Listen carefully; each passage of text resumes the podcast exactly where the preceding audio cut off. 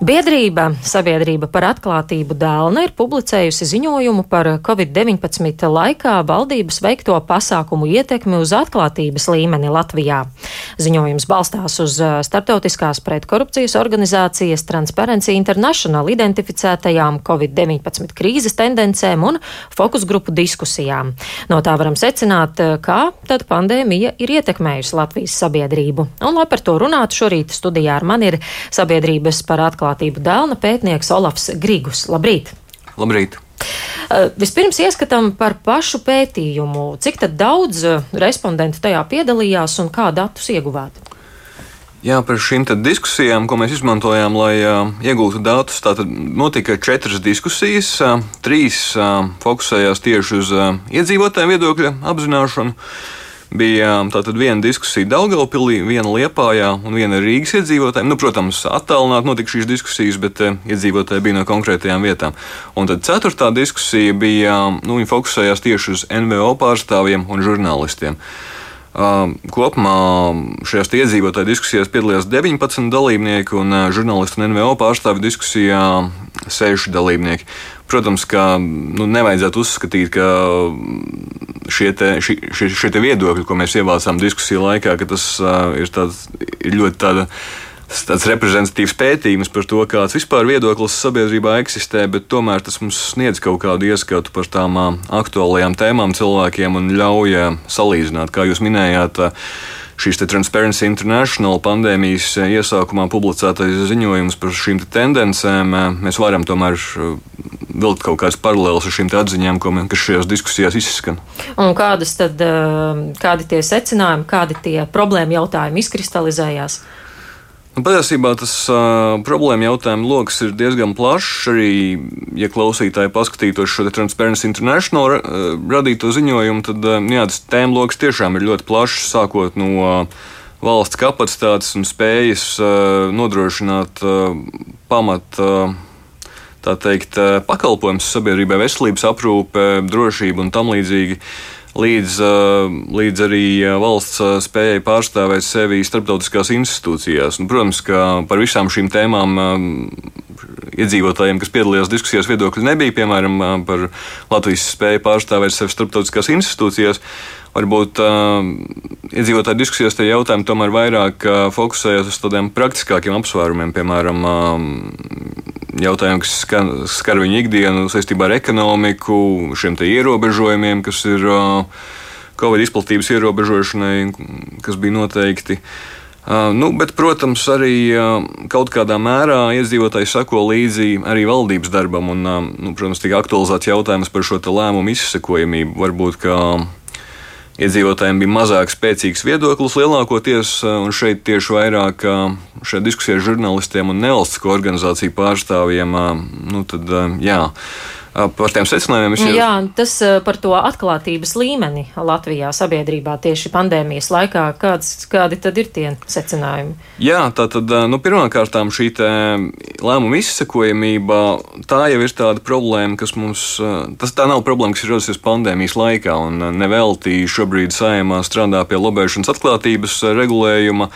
Un, tā nav pirmā reize, kad lēmumu pieņēmēji strādā ar šī jautājuma risināšanu. Tā ir tāda lieta, kas nu, faktiski jau ap desmit gadiem par to tiek runāts. Tāpēc nav tā, ka lēmumu pieņemšanas atklātībā tā būtu jauna problēma. Bet tomēr ir arī jauni izaicinājumi, kas ir saistīti, kas ir vēl viena tēma, par ko ziņojumā mēs runājam ir šī varas koncentrēšanās tieši valdības līmenī, kad nu, teikt, sājumā vai likumdevējs citās valstīs vai atsakās no savām varbūt kaut kādām funkcijām par labu valdībai, lai vienkārši tos lēmumus var pieņemt operatīvāk, kas ir varbūt nepieciešams krīzes apstākļos. Un tad jautājums par to, vai šādi ātri pieņemot lēmumus tādā jau nu, šaurākā valdības lokā, tad nu, tur tie, tie parastie mehānismi, kā šī atklātība varbūt, varbūt nepilnīgi agrāk tika nodrošināta, tie pat, vairs,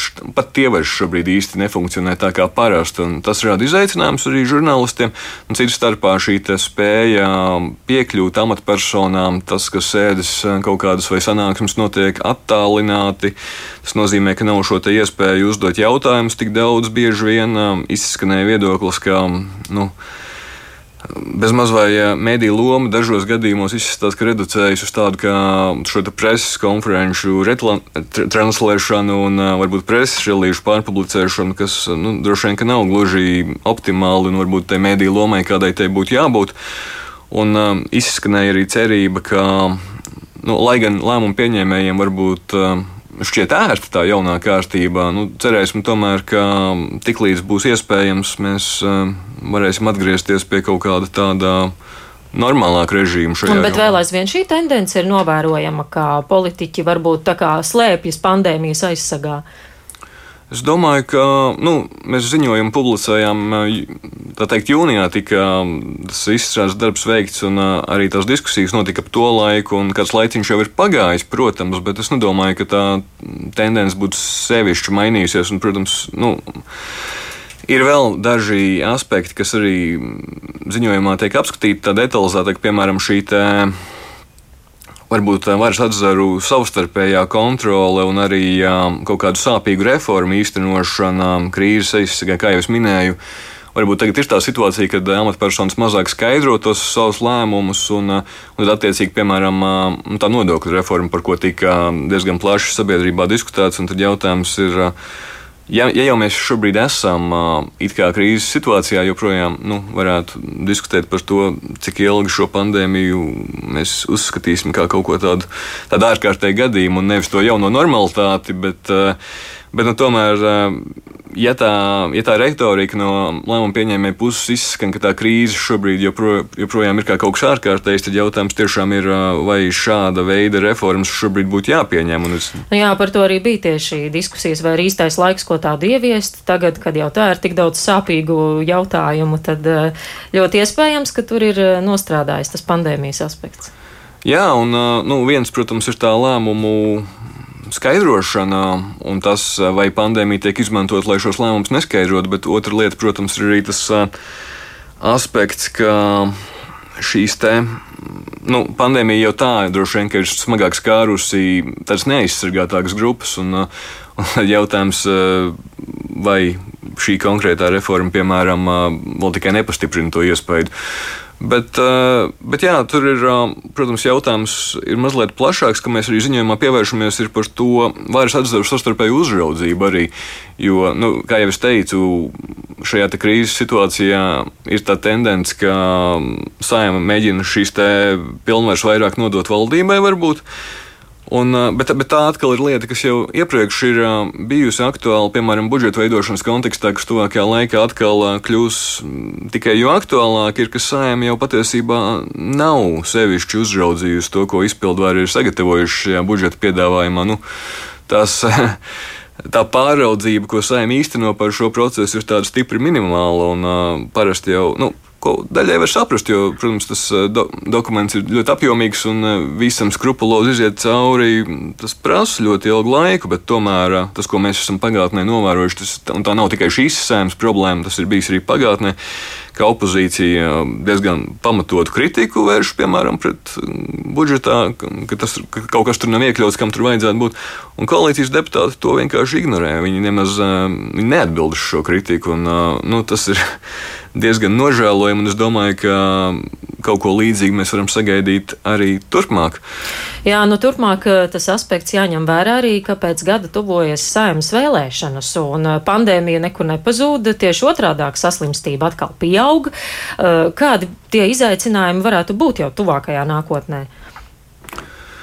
Nu, patiesībā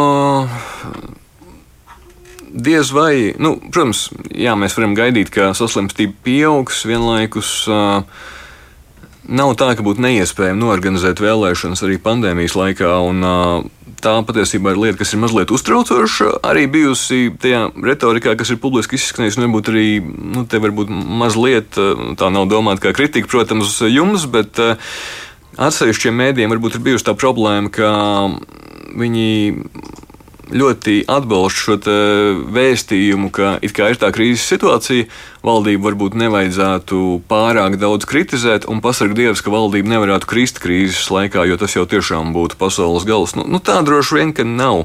Ir valstis, kur valdība ir kritusi pandēmijas laikā, piemēram, Itālijā. Ziemā bija šāda situācija, nu, tur nebija nekāds pasaules gals, protams, vēlēšanas daudzās valstīs notiek arī pandēmijas laikā. Nu, šī vēlēšana aktivitāte, arī tam mēs pievēršamies nedaudz ziņojumā. Tas arī nav tā, ka pandēmija viennozīmīgi samazina. Ir valstis, kur pandēmijas laikā ir pat palielinājusies šī vēlētāja aktivitāte. Un ir vairāk jautājums vienkārši par praktiskiem veidiem, kā nodrošināt to, ka iedzīvotāji maksimāli droši var šo balsošanu veikt, bet uh, nu, tam nevajadzētu būt nekam neiespējamam, protams. Kādi varētu būt tie rīcības virzieni, ko varbūt arī jūs uh, secinot no visiem šiem novērojumiem, varētu piedāvāt pandēmijas negatīvo seku mazināšanai, lai tā demokrātija stiprinātos?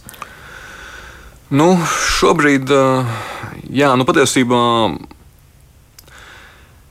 ir tā problēma mums, ir, ka mums ir bijušas ļoti daudz šīs ievainojamības, kas ir tādā ilgstošākā laikā izveidojušās. Nu, viens ir šīs vājās politiskās partijas, kas Latvijā, protams, ir. Tas ir veicinājis situāciju, kad nav īsti šīs politiskās konkurences, varbūt, un tad arī attiecīgi var tikt, nu, sabiedrībai var, sabiedrība var pārliecināt par to, ka šī, piemēram, ka šī ir labākā iespējamā valdība, un ka nekas labāks nevar, nevar būt, un ja šī valdība kristu, tad sāktos ļoti nopietnas problēmas. Nu, ja tas tā tiešām ir, man gribētos ticēt, ka tas tā nav, bet ja tas tiešām tā būtu, tas būtu tāds ļoti negatīvs vēstījums par Latvijas politiskajām partijām. Nu, tas, tā teikt, apkaunojoši diezgan, ka ka tiešām, ka šīs partijas nebūtu spējīgas eh, izveidot eh, alternatīvu valdību. Tas mazliet eh, nu, pat smieklīgs apgalvojums, es atļaušos teikt.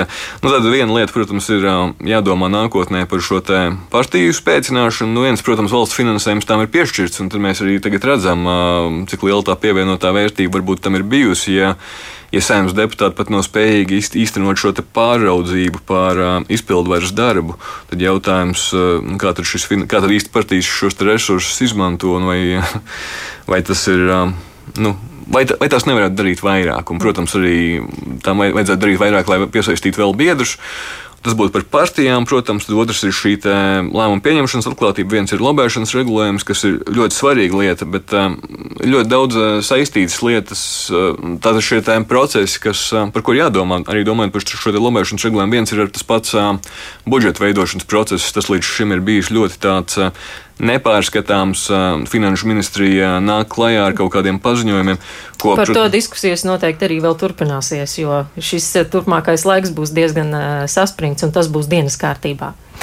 Šorīt gan man jāsaka jums paldies. Izaicinājumi katrā ziņā saglabāsies. Pandēmija nav nekur nepazūda. Man studijā šodien bija sabiedrības par atklātību dēlna pētnieks Olaps Grīgus. Paldies par sarunu.